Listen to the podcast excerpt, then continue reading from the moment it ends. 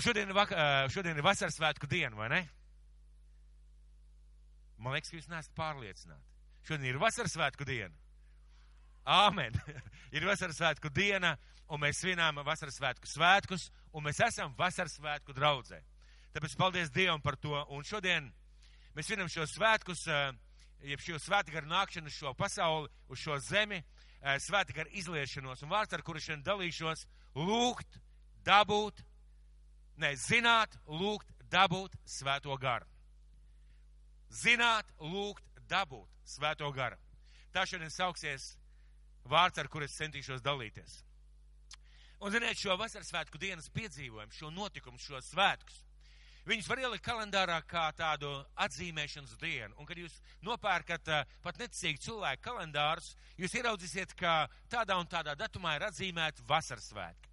Un šo svētku tiešām var ielikt kā dienu kalendārā, kā piemiņas dienu, atcerēties, varbūt eh, kam vairāk, kas mazāk, kas vairāk, kas mazāk. Bet, ziniet, var šo vasaras svētku dienu arī svinēt kā realitāti. Un kā realitāti savā dzīvē un kā realitāti draudzes dzīvē. Daudz lietas ir tādas, bet par vasaras svētku dienu, par vasaras svētkiem, par svēto garu tieši tādā veidā var arī izturēties.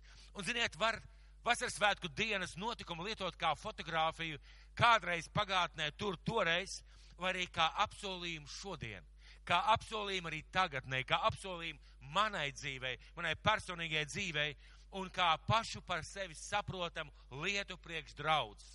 Var kā fotografija, var kā vēsture, var kā pagātnes notikumu, kā kalendāro dienu, bet arī kā apsolījumu, kā spēku, ko svētais gars eh, var ienest manā dzīvē, kā, kā realitāti, kur es svinu, kur es izdzīvoju, kur es meklēju un kurā es arī e, kalpoju.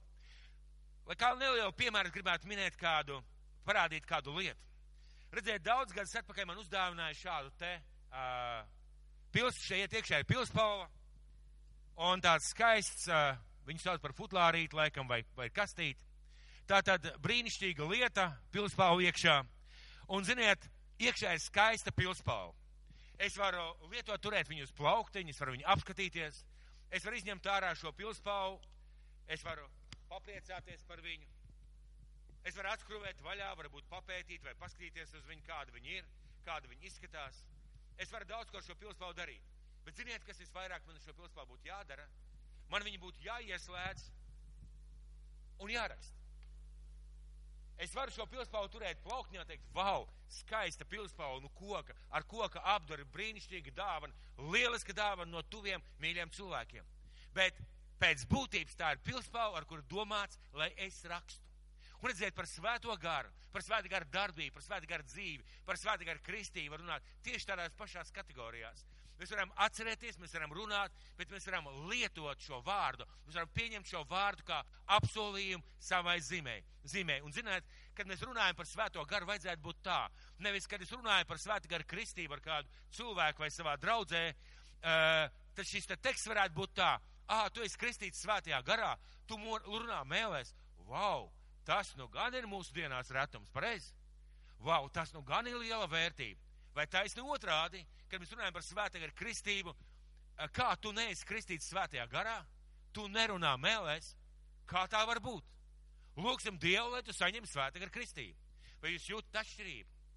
Ir liela atšķirība, kā mēs skatāmies uz šīm lietām. Un, ziniet, ja es aizietu uz debesīm, to uzsvēra kā vissvarīgāko aspektu draudzes kalpošanā. Svēta gara kristību Jēzus uztvēra kā vissvarīgāko aspektu draudzes kalpošanā. Jo mēs lasīsim tālāk par to, kā viņš to pateica, un arī draudze to tālāk uzsvēra un uzsvēra un uztvēra kā svarīgu aspektu savā kalpošanā, kalpoja draudzē. Un ziniet, vēsture saka, ka Vēsture saka, ka pēc Kristus augšām celšanās un aiziešanas uz debesīm apmēram 30 gadu laikā Eiropā bija desmitiem tūkstoši kristīgu cilvēku. Un kādā reizē, kad es klausījos šo vēsturi, par ko stāst apustuļu darbi, es pēkšņi uzdevu savu jautājumu. Un jautājums bija sekojošs. Viņiem taču nebija bībeles skolas. Netika apmācīti mācītāji, kalpotāji, kristieši, kas kalpot. Viņiem nebija bībeles skolas. Mīļie, viņiem pat bībeles nebija. Kā var būt, ka 30 gadu laikā kristīgā vēsts, kristīgās draudzes dzimst vien pēc otras un piepildītā laika Eiropa? Kā tas var būt? Kur ir tas noslēpums? Gudrībā, zināšanā, izpratnē. Patiesībā tajā laikā šiem cilvēkiem bija jāiet pret milzīgu traumu. Šodien, kad mēs esam Latvijā, ja jūs pateiksiet, ka mēs esam kristīga zeme vai ka mēs sludināsim par Jēzu Kristu, es domāju, ka lielākā daļa nemaz pārāk neprotestēs, kamēr jūs nepateiksiet viņam jautājumu, vai Jēzus ir tavs kungs.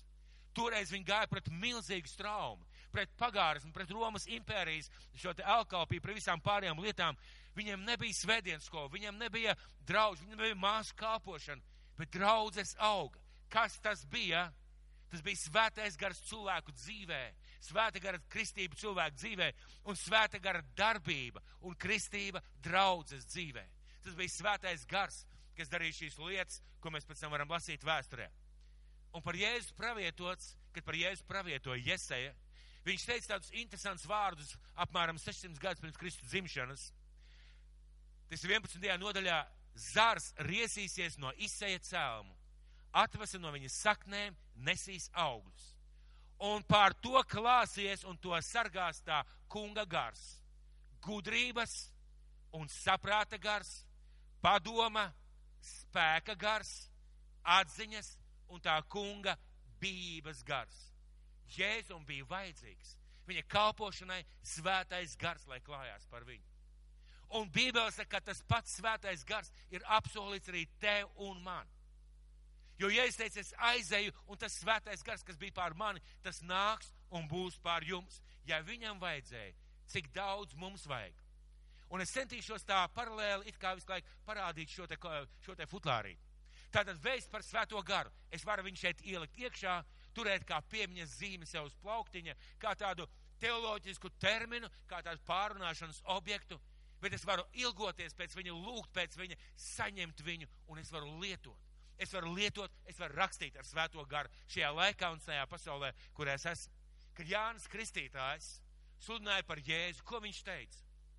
Es jūs gan kristīju ar ūdeni uz atgriešanos no grēkiem, bet tas, kas nāk pēc manis, ir spēcīgāks par mani. Tāpēc neesmu cienīgs, kurpes nest. Viņš jūs kristīs ar svēto garu un ar uguni. Viņš jūs kristīs ar ko? Ar svēto garu un ar uguni. Vēst par Jēzu un pēc tam par to, ko Jēzus darīs. Mēs zinām, ka Jēzus mācīja, Mēs zinām, ka Jēzus e, dziedināja, mēs zinām, ka Jēzus da, e, dažādas lietas darīja. Mēs zinām, kāpēc Jānis Kristītājs uzsver svarīgāko lietu. Nāks viens, kas lielāks par mani, un ko viņš darīs? Viņš kristīs ar svēto garu. Tātad ļoti svarīga vēsts, kas tiek pateikt jau pašā sākumā, pirms Jēzus vēl sāk darboties. Un Jēzus kalpošanā viņa mācekļi redz brīnums, spēku Jēzus kalpošanā un svētais gars brīnišķīgā veidā, veidā darbojās. Viņi redz neredzētu gudrību, neredzētu svaidījumu, neredzētu spēku kalpošanā, kas visiem ir milzīgs pārsteigums. Kāpēc? Tāpēc, ka pār Jēzu klājās svētā gara spēks. Kad mēs skatāmies uz pirmajām draudzēm, mīļie, kas nebūtu nebija ideālas, mēs pārāk bieži idealizējam pirmās draudzes pārāk bieži idealizējam, vot viņiem tik tādu un tādu un tādu. Nē, tur bija cilvēki ar miesu un asinīm un savas problēmas. Bet tas, pēc kā viņi ilgojās, ko viņi darīja, viņi tiecās kalpu, saņemt svētīgu kristību, viņi tiecās kalpot svētajā garā, un viņi to arī darīja, un to arī piedzīvoja. Un tad Jēzus gatavojas aiziet uz debesīm. Jānis pravieto par viņu, Jēzus sludina, Jēzus kalpo, svētais gars klājās par viņu, un tad Jēzus gatavojas aiziet uz debesīm. Un Lūkas evaņģēlijā 24. nodaļā no 45. līdz 52. pantam. Lūkas evaņģēlijas 24. nodaļa no 45. līdz 52. pantam. Tad viņš tiem saprašanu atdarīja, ka tie rakstus saprata. Un tiem sacīja, Tā stāv rakstīts, ka Kristum bija ciest un augšām celties no miroņiem trešajā dienā, un ka viņa vārdā būs sludināt atgriešanos un grēku piedošanu visām tautām, iesākot no Jeruzalemes. Un jūs esat liecinieki tam visam, un redzi, es jums sūtu sava tēva apsolījumu, bet palieciet jūs pilsētā līdz kamēr, piefiksējiet šo vārdu, līdz kamēr tiksiet apģērbta ar spēku no augšienes. Līdz kamēr tiksiet apģērbti ar spēku no augšienes. Viņi redzēja Jēzu. Viņi redzēja viņu augšām cēlušos. Bībele saka, viņš viņiem saprašanu atdarīja. Viņi saprata rakstus droši vien daudz labāk un vairāk nekā mēs ar jums. Viņiem ir ticība, ka Jēzus ir Dieva dēls. Viņiem ir pārliecība, ka Jēzus nāks atpakaļ. Ko viņiem vēl vajag? Kāpēc Jēzus saka, palieciet pilsētā un gaidiet? Ko viņiem vēl vajag? Viņiem vajadzīga svētā gara kristība. Un, ziniet, šī vieta runā uz mani un uz tevi šodien. Kādā veidā viņi runā? Šis te vārds palieciet pilsētā, jeb neaiziet kalpošanā, tas liek mums, jaunās derības kristiešiem, domāt, cik svarīgi ir nevis vienkārši sēdēt savā krēslā, bet cik svarīgi ir izvēlēties, meklēt un gaidīt un lūgt pēc svētā gara kristības. Viņiem ir zināšana, viņiem ir atklāsme, viņiem ir gudrība, viņiem viss ir. Viņiem ir vajadzīgs svētais gars. Kas tas ir, ko, viņai, ko viņiem tiek gaidīt? Svētā gara kristība. Un apstoļu darbos vēl skaidrāk pateikts. Pirmajā nodaļā, 4. 5. pants, apstoļu darbu grāmata, pirmā nodaļa, 4. 5. pants. Un to sapulcinājis viņš tiem pavēlēja neaiziet no Jeruzālemes, bet gaidīt tēva apsolījumu, ko jūs tā viņš sacīja no manis esat dzirdējuši. Viņš bija teicis viņiem par svēto garu. Jo Jānis gan ir kristījis ar ūdeni, bet jūs tiksit kristīti ar svēto garu pēc nedaudz dienām. Ko viņš saka? Palieciet Jeruzalemē, gaidiet, lūdziet, ilgojieties saņemt. Jums vajag pirmām kārtām gaidīt, otrām kārtām ilgoties saņemt, noticēt, ka tas tā ir, lai jūs saņemtu. Un kā tas būs, ja es tālāk paskaidro 8. pantā, bet jūs dabūsiet spēku, kad svētais gars būs nācis par jums, un būsiet mani liecinieki kā Jeruzalemē, tā visajā Jūdejā un Samarijā līdz pašam pasaules galam. Ja es pasaku, kas tas būs, tas būs spēks kalpošanai, ko tas dos, jūs būsiet mani liecinieki. Jūs būsiet mani liecinieki. Un ko viņi dara, ko šie cilvēki dara? Es vēlreiz gribētu uzsvērt. Viņi tic, viņiem ir pārliecība, viņiem ir ticība, prāts ir atdarīts, raksts ir skaidri, daudz ko viņi nesaprot, bet lielāko daļu viņi jau saprot. Dievs viņiem atdara šos rakstus. Ko viņi dara? Te visi vienprātīgi palika kopā lūkšanās līdz ar sievietēm un Mariju, Jēzus māti un viņa brāļiem. Viņi notic. Viņi notic, ka ir kaut kas vēl. Kāpēc mēs šodien? Kāpēc mēs šodien izvēlamies darīt bieži vien tā?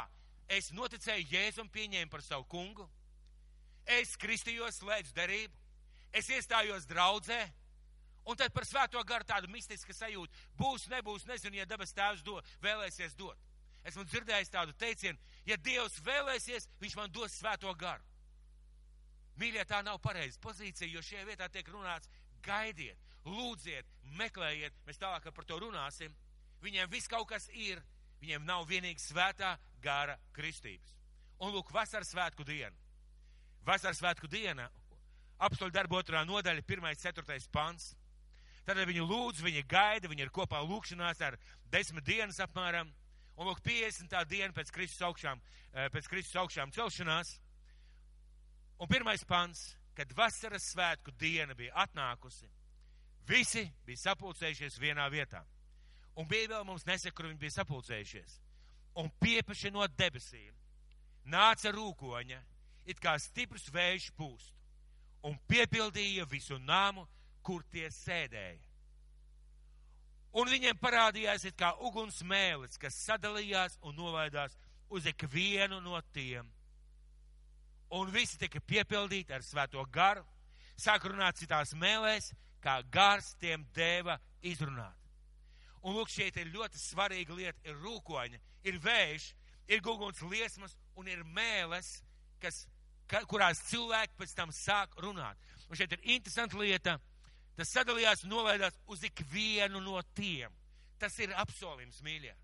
Tas ir apsolījums, ka svētais gars var nākt par vienu cilvēku, kurš meklē svētā gara spēku savā dzīvē. Un tie visi tika piepildīti ar svēto garu un sāk runāt mēlēs, kā gars tiem deva izrunāt cilvēki sanākuši kopā. Ir vasaras diena, atskan šīs balss, mēles, balss, cilvēki pravieto, cilvēki sludina šajās mēlēs, cilvēki sanāk kopā, nu, nekā Jeruzalemē, un ir svētki. Un cilvēki uzdod jautājumu, kas tas ir? Kas tas ir, kas šobrīd notiek? Kas tas ir un kāds saka, viņi ir piedzērušies, kāds saka, viņi ir jocīgi, eh, kāds varbūt tur smējās, kāds ir izbrīnījies. Rezultāts ir tāds, ka ir liels sajukums tautā un Pēters.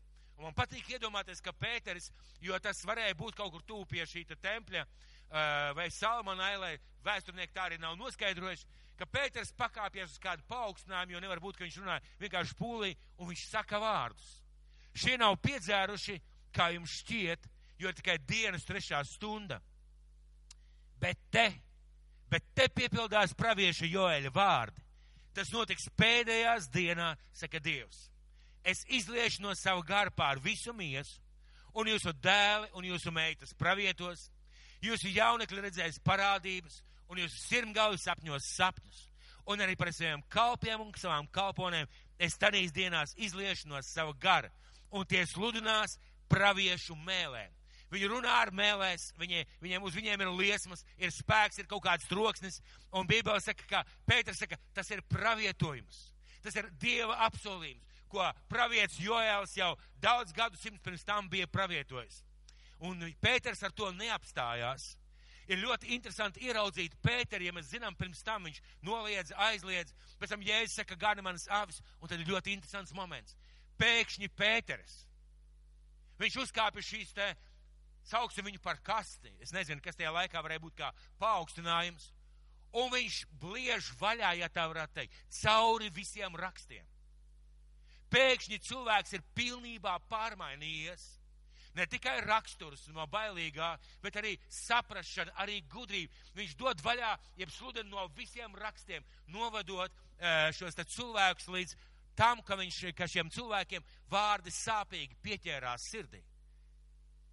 Viņš pārdabiskā svaidījumā cauri visiem rakstiem, un ar ko viņš nobeidz? Ar ko viņš nobeidz? Tā ir otrā noļa, 37. 39. pants. Šie vārdi sāpīgi ķēra viņu sirdis, un tie sacīja uz Pēteru citiem apstuļiem. Brāļi, ko lai mēs darām? Brāļi, ko lai mēs darām? Bet Pēters un tiem atbildēja, atgriezieties no grēkiem, liecieties kristīties, ik viens Jēzus Kristus vārdā, lai jūs dabūtu grēku piedošanu un saņemtu ko? Liecieties kristīties, lai jūs saņemtu grēku piedošanu un saņemtu ko? Saņemtu svēto garu. Lai saņemtu grēku piedošanu un lai jūs saņemtu svēto garu. Un Bībele saka tālāk, jo šis apsolījums dots jums un jūsu bērniem. Šis apsolījums dots jums un jūsu bērniem. Šis apsolījums dots jums un jūsu bērniem līdz pat pašam pasaules galam, kad cilvēki saņems un piedzīvos svētā gara kristību. Un tad draudz aug. Un tad draudz aug, cilvēku skaits pievienojās arvien vairāk un vairāk. Cilvēks saņem svētā gara kristību šajā Jeruzalemes draudzē.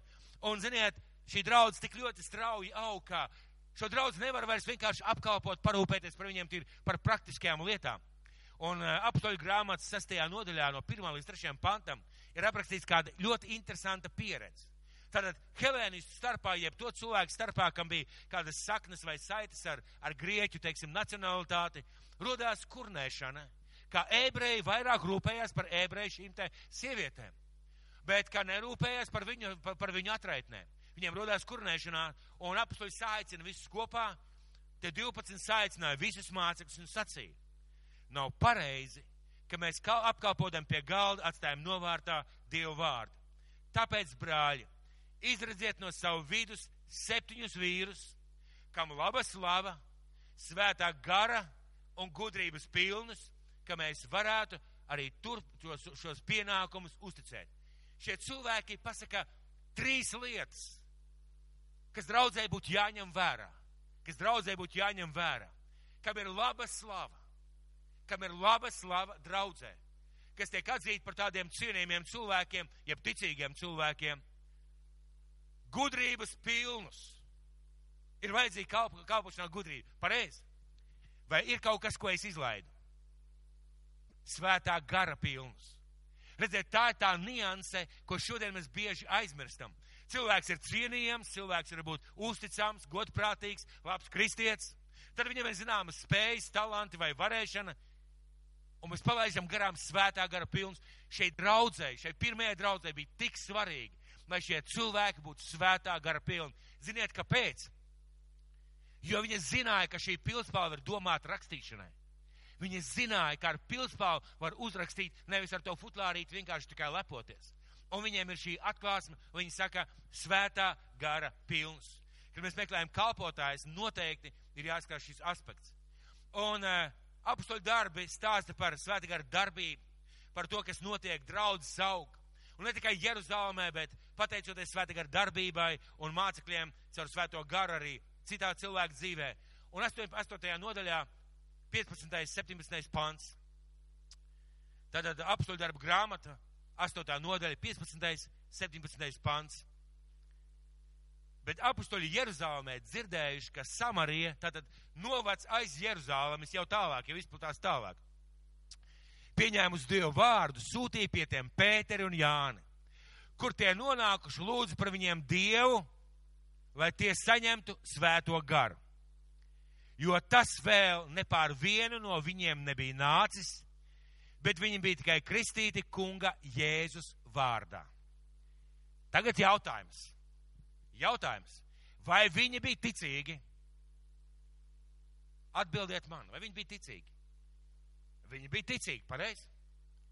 Apustuļi dzird, ka pieņēmuši Dievu vārdu, tie nonāk par mācekļiem, lai lūgtu, lai tie saņemtu svēto garu. Viņi bija ticīgi, viņi bija kristīti, un viņiem nav svētais gars. Un ja šodien kāds saka, es saprotu rakstus, es lasu bībeli, tad svētais gars ar mani nerunā nemaz, ar mani viss ir kārtībā es nesāju garus svārkus, augstu cepuri, un man ir liels krusts kaklā. Ar mani viss ir kārtībā. Es gribu teikt, mīļais draugs. Ir vēl cilvēki, kas saka, tajā mirklī, kad es e, tiku kristīts, obligāti Bībele saka, svētais gars nāca par mani. Meli. Tā nav taisnība. Svētais gars var nākt kristību mirklī pār cilvēku. Svētais gars var nākt mirklī par cilvēku, kad viņš kristās. Svētais gars var nākt pirms ūdens kristībām, un es esmu cilvēks, kurš saņēma svētā gara kristību pirms ūdens kristībām. Nu, mācītājs teica, nu, tu esi kristīts svētajā garā, nu, kādas tur vairs īpaši mācības, nu, kā jāiet kristīties. Un es tiku kristīts arī kaut kādā oktobra mēnesī. Tātad, un kā, ko viņi ir atnākuši darīt? Viņi ir atnākuši lūgt par viņiem, lai viņi saņemtu svēto garu. Un 16 jo tas vēl ne pār vienu no viņiem nebija nācis, bet viņi bija tikai kristīti kunga Jēzus vārdā. Tātad ticīgi un kristīti, bet svētais gars pār viņiem nav. Svētais gars nav viņu dzīvē. Hei, mīļie draugi, svētais gars nav šo cilvēku dzīvē. Viņi ir ticīgi, viņi ir kristīgi, bet svētais gars nav viņu dzīvē. Vai viņi ir neticīgi? Nē, viņi ir ticīgi. Vai viņi saprot Jēzu? Jā, viņi saprot. Vai viņi dzird svētā gara balsi, kad viņi lasa rakstus vai diskutē vai lūdz? Jā, protams. Bet pār viņiem nav svētā gara kristības. Un man tas patīk vai man tas nepatīk. Šī vieta saka, ka var būt, un daudz kristieši ir, kas ir kristīti, bet viņi nav saņēmuši svētā gara kristību. Ziniet, kāpēc? Jo 17. pants saka, tad viņi uzliktiem rokas un tie dabūja svēto garu. Ja mēs lasām šo vietu uzmanīgi, pirms tam bija Sīmans, kurš teica, dodiet man to spēku, kam viņš uzliek loks, lai, da, lai, lai es varu dabūt svēto garu. Sīmans ieraudzīja, ka uzliekot rokas, lūdzot par svētku garu kristību, kaut kas notiek. Ne tikai izskatā, ne tikai varbūt acīs sāk mirdzēt prieks, bet ir kāda ārēja zīme, tāpēc viņš to tālāk arī saka. Bet iesim tālāk. Tiesim tālāk. Draudz turpina augt, un nu jau evaņģēlīts sāk izplatīties pie pagāniem, un Pēters sludina Kornēlija namā. Jūs zināt to stāstu, palaks no debesīm, dažādi dzīvnieki, balsts no debesīm, uh, to, ko esam svētījis, šķīstījis, neuzskat par, neuzskat par nešķīstu. Un Pēters dodās pie Kornēlija, un Kornēlija namā viņš sludina evaņģēliju. Un lūk, apustuļu darba grāmata, desmitā nodaļa, 44, 48. Pēterim vēl runājot, svētais gars nāca par visiem, kas šos vārdus dzirdēja. Un ticīgie jūdi, kas Pēterim bija līdzi, izbijās, ka svēta gara dāvana bija izlieta arī par paganiem. Kā viņi to zināja? Kā viņi zināja, ka svētā gara dāvana ir izlieta par pagāniem? Kā viņi to zināja? Vai to saka svētie raksti? Vai to saka Bībele? Vai to saka absolūtā mūsu autoritāte? Āmen! Kas notiek? Kas notiek? Jo viņi, jo viņi to dzirdēja mēlēs, runājam un Dievu teicam. Tad Pēters atbildēja, kas gan varētu liekt ūdeni šo ļaužu kristīšanai, kas dabūjuši mēlēs runāšanu?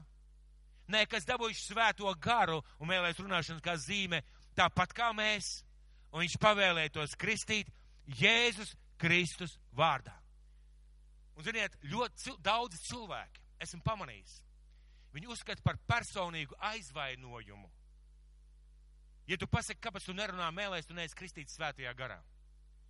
Cilvēkam liekas kā personīgs aizvainojums, kā man tā pazemoja, vai tā pateica, vai tad esmu kaut kāds nepilnvērtīgs kristienis. Nē, tu esi nepilnīgs kristietis, jo svētīga kristība ir normāla, vajadzīga parādība cilvēka dzīvē. Tas tas, ko Jēzus ir pavēlējis. Un cilvēki norobežojās, apvainojās, dusmojās, un taisn otrādi sāk aizstāvēties, sāk meklēt pierādījumus, vai tad visi runā mēlēs. Nē, visi nerunā mēlēs. Tāpēc, ka daudzi saka, man tas nav vajadzīgs. Kā viņš var runāt mēlēs? Kā viņš var piedzīvot svētā gara darbību? Šie cilvēki, viņi pat nezina teoloģiju par svētā gara eh, mēlēm. Viņi pat nezina šo vārdu, vienkārši svētais gars nāk par viņiem, viņi sāk runāt mēlēs, un tad viņi tiek kristīti. Redziet, divas vietas. Vieniem kristība ir pirms tam, un pēc tam nāk svētais gars. Vieniem svētā gara kristība ir pirms tam, un pēc tam nāk tikai ūdens kristības. Un ziniet, ko es jums teikšu? Ziniet, ko es jums teikšu? Nav normāli, nav normāli aizstāvēties un apvainoties. Normāli būtu meklēt svētā gara kristību, lūgt pēc tā, domāt par to, saukt pēc tā. Cilvēki uzskata, ka normāli ir aizstāvēties un sevi attaisnot un teikt, tas jau nav visiem. Nē, normāli ir meklēt svētā gara kristību. Meklēt, lai svētais gars iemājo tevī. Tad, kad svētais gars nāca personīgi pār mani, tā bija pilnīga revolūcija. Es esmu daudzkārt jau liecinājis un teicis, kaut gan es nebiju, neesmu divi metri bez galvas un uh, nevarēju cilāt, nezinu, 200, 300, 400 kg stieņus, bet Es savā prātā biju puisis, kas, kam, kam bija jūra līdz ceļiem. Svētā gara kristība mani izmainīja no iekšienes. Vai es nezināju pirms tam Bībeli, es kaut ko jau sāku zināt. Jā, es nebiju kristījies, es domāju, ka es kādreiz kristīšos. Es jau gāju uz draugu, viss jau it kā bija labi, un ja man pajautāt, Jānārt, vai tev viss ir kārtībā, es varētu teikt, nu kā, es jau ticu Dievam, viss ar mani ir kārtībā. Es pateicos tēv, debes tēvam par to sievieti, kas mūs veda toreiz pie Kristus, mani, manu sieviņu un daudz jaunu cilvēku. Ziniet, ko viņi darīja? Viņi no pirmās dienas teica, jums ir vajadzīga svētā gara kristība. Viņi neatstāja tādus bāriņus, viss kārtībā, tic Dievam, ej uz draudzi, nokristies, viss ir kārtībā, gan jau kādreiz kaut kur. Viņa skaidri teica uzreiz, jums ir vajadzīga svētā gara kristība. Un ja tev tā māca, ja tev tā saka, tu viņu meklē, tu viņu lūdz, tu pēc viņas ilgojies, tu jūties nepilnvērtīgs, kamēr neesi saņēmis. Kad svētais gars nāca pār manis, ir redzēt tajā mirklī tādu kā atklāsmu mākoņus, un no mākoņiem divas lielas svētījušas rokas tā pār mani izstieptas. Paldies Dievam par šo cilvēku un paldies Dievam par svēto garu.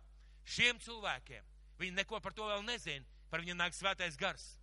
Draudze turpina augt. Mēs ceļojam cauri apstuļu darbiem, mēs skatāmies šos piemērus, jo apstuļu darbu grāmata ir stāsts par svētā gara darbību. Draudz turpina augt. Un apstuļu darbu grāmata 19. nodaļa 1. līdz 6. pants kamēr Apols bija Korintā, Pāvils pārsteigāja augstinus afidus, nonāca kādā, nonāca Efesā un sastapa dažus mācekļus. Viņš tiem sacīja, vai jūs dabūjāt svēto garu, kad jūs kļuvāt ticīgi? Tie viņam atbildēja, mēs pat neesam dzirdējuši, ka svētais gars ir. Tie viņam atbildēja, mēs pat neesam dzirdējuši, ka svētais gars ir. Viņš jautāja, ar kādu kristību jūs esat kristīti, Tie atbildēja ar Jāņa kristību. Bet Pāvils, Pāvils sacīja, Jānis ir kristījis ar grēku nožēlas kristību, ļaudīm sacīdams, lai tie tic tam, kas nākšot pēc viņa, tas ir Jēzum. To dzirdējuši, viņi tika kristīti kunga Jēzus vārdā. paldies Dievam, ka mēs tālāk nelasam šo stāstu. Un viņi devās sludināt evaņģēliju. Jo dažiem tā gribētos. Bet ziniet, kas sako tālāk? Kad Pāvils tiem uzlika rokas, svētais gars nāca pār tiem. Tie runāja mēlēs un pravietoja. Tātad viņi tika kristīti, Pāvils viņiem uzliek rokas un svētais gars nāk pār viņiem. Viņi runā mēlēs un pravieto. Jautājums, kāpēc pirmās draudzes tik strauji aug, lūk jums arī atbildi. Pāvils to uztvēra kā nenormālu situāciju, ka cilvēks nav kristīts svētajā garā. Pēters pārējie apustuli, viņi saka, mums ir vajadzīgs, lai cilvēks būtu kristīts svētajā garā. Mēs lasām visus šos piemērus, varam ieraudzīt, ka tā ir Dieva grība un Dieva sirds. Šeit ļoti svarīgi ieraudzīt, ka runāšana mēlēs ir kā zīme. Kā zīme tam, bet kāds ir svētais gars. Runāšana mēlēs ir kā zīme tam, ka cilvēks ir kristīts svētajā garā. Bet kāds viņš ir, šis svētais gars, kā viņš izpaužās, ko viņš dara. Un atgriezīsimies pie iesaistas grāmatas, 11. nodaļas 1. panta. Un tur rakstīts tā: Zars riesīsies no izseja cēlma un atvese no viņas saknēm nesīs augļus. Un pār to tātad runāja par Jēzu. Un šeit ir svētā gara raksturojums. Un pār to klāsies un to sargās tā kunga gars. Kāds viņš būs? Gudrības gars, saprāta gars, padoma gars, spēka gars, atziņas un tā kunga bības gars. Šīs lietas raksturo svēto garu. Runāšana mēlēs ir kā zīme, un šeit minēts spēka gars. Lūk, tieši tāpēc apustuļiem bija vajadzīga šī zīme un bija vajadzīga svētīga arī kristība, lai viņi varētu iet un sludināt evaņģēlīju. Mūsu kalpošanai un kristībai dots raksturojums, kāds viņš ir, un tādai vajadzētu būt arī mūsu kalpošanai. Ko darīs svētais gars? Ko darīs svētais gars? Vai tikai liks runāt mēlēs, vai tikai liks pravietot, ko viņš darīs? Un jā, nevaņģēlī rakstīs, to es jums runāju pie jums būdams bet aizstāvis. Svētais gars, ko tēvs sūtīs manā vārdā, tas jums visu mācīs un atgādinās jums visu, ko es jums esmu sacījis. Un šajā mirklī iet runa par to, ka svētais gars būs cilvēkam blakus klāt. Viņš mācīs, viņš atgādinās, viņš skolos, viņš dos atklāsmes un sapratnes par to, kas ir vajadzīgs. Un Jāņa Evanģēlijā 16. nodaļā, 7. līdz 14. pants. Jāņa evaņģēlijas 16. nodaļa no 7. līdz 14. pantam. Saku vārdus, tomēr es jums saku patiesību. Tas jums par labu, ka es aizeju, jo ja es neaizietu, aizstāvis nenāk pie jums, bet aizgājis, es to sūtīšu pie jums, un viņš nāks un liks pasaulē izprast grēku, taisnību un tiesu.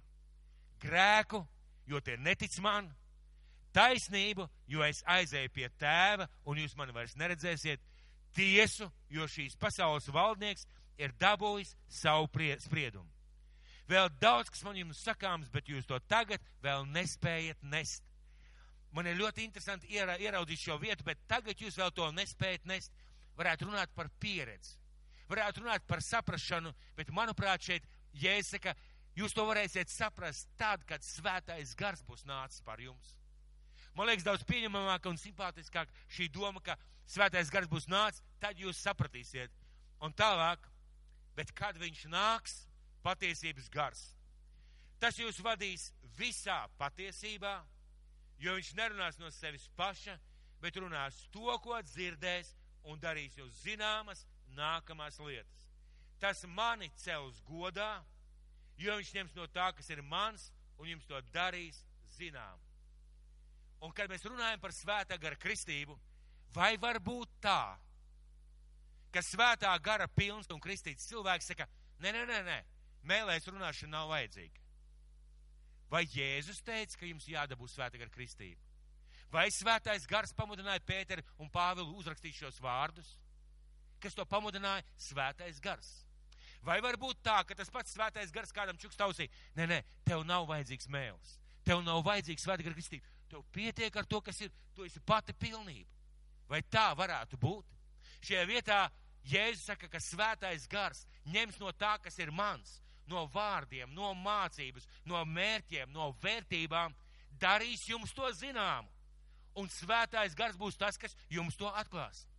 Un svētais gars atklāja šādā veidā arī par svētiem ar kristībām un par svēto garu, ka tas mums ir vajadzīgs. Un ja mēs kādreiz dzirdam kādu cilvēku sakam, Dievs man neatklāja, Dievs man nepateica, vai, vai es sapratu, ka jādara tā vai tā vai tā, skatāmies rakstos. Skatāmies rakstos, vai svētais gars to varēja pateikt vispār. Vai svētais gars varēja tā darboties, vai svētais gars varēja nest tādu atklāsmi, par ko mēs kādreiz brīnamies un, un runājam. Vai svētais gars. Un, ziniet, es gribētu teikt tā, ja cilvēks Es ticu, ka tad, kad svētais gars nav nācis vēl par cilvēku, svētais gars jau ir šīs pasaules. Un svētais gars darbojās pie neticīgiem. Runa ir par līmeni, kādā mēs darbojamies.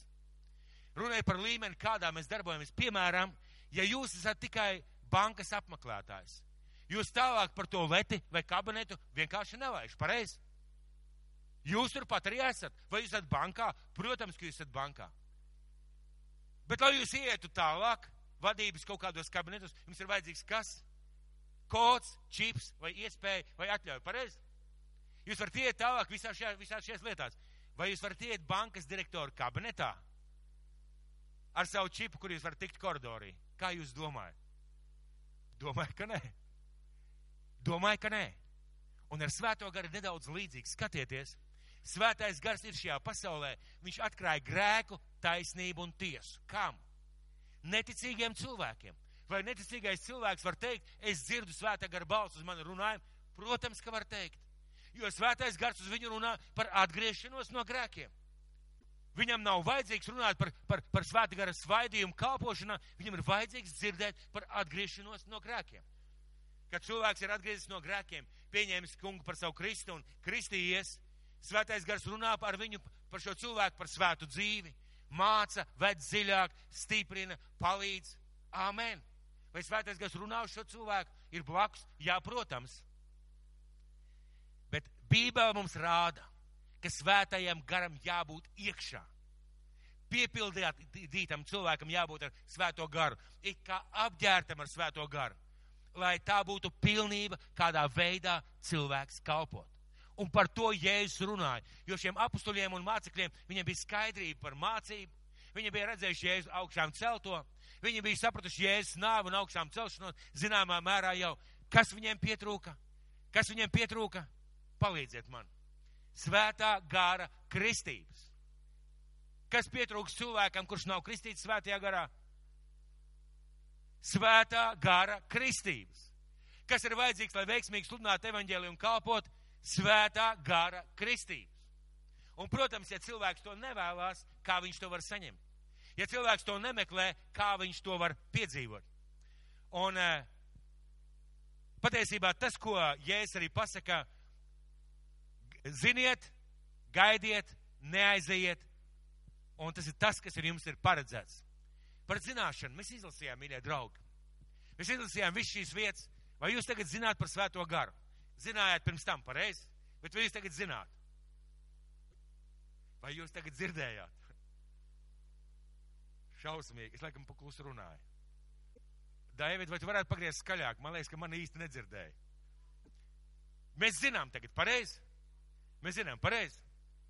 Kā mēs varam piedzīvot svēto garu, ja mēs zinām par viņu? Bībele saka, Lūkas evaņģēlija 11. nodaļā, tā arī es jums saku, lūdziet, tad jums taps dots, meklējiet, tad jūs atradīsiet, klauvējiet, tad jums taps atvērts. Jo ik viens, kas lūdz dabū, kas meklē, atrod, kas klauvē, tam atvērs. Kur būtu kāds tēvs jūsu starpā, kas dod savam dēlam čūsku, kad tas lūdz zivi, jeb skorpionu, kad tas lūdz olu, ja nu jūs ļauni būdami zināt dot saviem bērniem labas dāvanas, cik daudz vairāk jūs tēvs no debesīm dos svēto garu tiem, kas viņu lūdz. Tiem, kas viņu lūdz, es nenoliedzu to pieredzi, ka daudz ir saņēmuši svēto garu, skatoties vienkārši televīzijā kādu dievkalpojumu. Es galīgi nenoliedzu to, to faktu, ka ir cilvēki, kas saņēmuši svēto garu, vienkārši ejot pa ielas, dzirdēju tādu piemēru. Es, un lūdzot Dievu, es nenoliedzu, ka cilvēki saņemuši svēto garu kādā dievkalpojumā vienkārši tāpat pēkšņi uzreiz. Un no kā. Kāda māsa saņēma svēto garu tikai tāpēc, ka pateica, ka debes tēvs man jau ir 75 gadi, kā tad vēl, ja ne šodien? Un tā bija viņas liecība. Viņa sāk runāt mēlēs, un radnieki viņu ved uz ārstniecības iestādi, jo māma pēkšņi vairs nerunā latviešu valodā, bet divas dienas runā kaut kādā dīvainā mēlē. Un māsa atnāk šeit un draudzē liecina, mīļie, pabiju slimnīcā. Kāpēc? Sāk lūdzu par svētā gara kristībām, pēc palika, skumji palika. Ka jau 75 gadi vai 70 gadus neatceros, cik viņai toreiz bija. Ka man, ka man nav, citiem ir. Dievs, nu lūdzu, dod man, sāk runāt mēlēs. Un divas dienas nevar apstāties. Viņi atnāk šeit un liecina šeit pat foajē. Reko es piedzīvoju. Māsai vienkārši palika greizsirdība. Kā tā ir, citi var saņemt un es var nevaru saņemt. Es personīgi saņēmu lūdzot, bet pats princips ir, ka jums ir jāgrib. Mums ir jāgrib saņemt svētā gara kristību. Par to iet runa. Un kā mēs varam dabūt? Apstoļu darba 8. nodaļa. Tad viņi uzlika tiem rokas un tie dabūja svēto garu un runāja mēlēs. Tātad, mīļie draugi, tā nav leģenda. To nevar ielikt vienkārši kastītē, nolikt plaukņā vai kā fotografija. Vēsts par svēto garu ir aktuāla, dzīva un patiesa. Un tā nav vasarsvētku draudzes ekskluzīvā mācība. Tā ir Bībeles mācība, mīļie draugi. Mēs vienkārši vasarsvētku draudzes turamies pie šīs mācības. Mēs piedzīvojam šo mācību, mēs cenšamies izdzīvot to Dievu vārdu un to, ko Dievs mums dod. Un es personīgi sevi nespēju iedomāties bez svētā gara kristības kalpojot Dievam. Nē, nu, protams, ka var mēģināt. Ziniet, var jau mēģināt arī stumt smago mašīnu. Grūti būs, bet var mēģināt to izdarīt. Pareizi.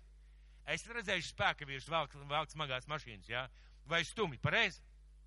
Esat redzējuši, vai ne? Bet vai nav vieglāk, ka tā mašīna brauc pati? Vai nav vieglāk, ka tā mašīna vienkārši pati kustās uz priekšu? Tu vienkārši sēdi pie stūres un stūrē. Tā ir ar svēto garu. Mums ir jāpiedzīvo, jāsaņem un jābūt pilniem ar svēto garu. Un mēs vasaras svētku draudz to mācām un mācīsim. Tātad mēs zinām, un es aicinu tās vietas pierakstīt un izlasīt. Lūdziet, lūdziet pēc svēta gara kristības, un uh, lūdziet, lai cilvēki jums uzliek rokas, lai lūdz par jums, un tas ir vajadzīgs ikvienam no mums. Šodien ir vasaras svētku diena. Es nekļūdījos. Šodien ir vasaras svētku diena, kas turpinās jau, div, jau 2000 gadus atpakaļ. Jo katra diena mūsu dzīvē var būt kā vasaras svētku diena. Mēs nedzīvosim 2000 gadu bet tavā dzīvē tev ir vajadzīga svētā gara kristība. Apustuļi noticēja, un viņi piedzīvoja, un viņi staigāja šajā spēkā. Viņi staigāja šajā spēkā, runāja mēlēs, un viņiem nebija problēmas, ka citi viņus sauc par jocīgiem. Mums ir jāpiedzīvo svētais gars. Mums ir jāsaņem šī kristība, mums ir jālūdz pēc tās, nevis jānoniecina vai jānoliek plauktiņā. Un Bībele saka, kas lūdz, tas dabū. Kā tur bija rakstīts? Ir katrs, kas lūdz dabū, kas meklē, kas klauvē tam, tiks atvērts. Cik daudz vairāk jūs tēvs no debesīm dos svēto garu tiem, kas viņu lūdz. Amen. Lai debes tēvs mūs svētī, ka mēs ne tikai par to domājam, bet ka mēs to arī piedzīvojam.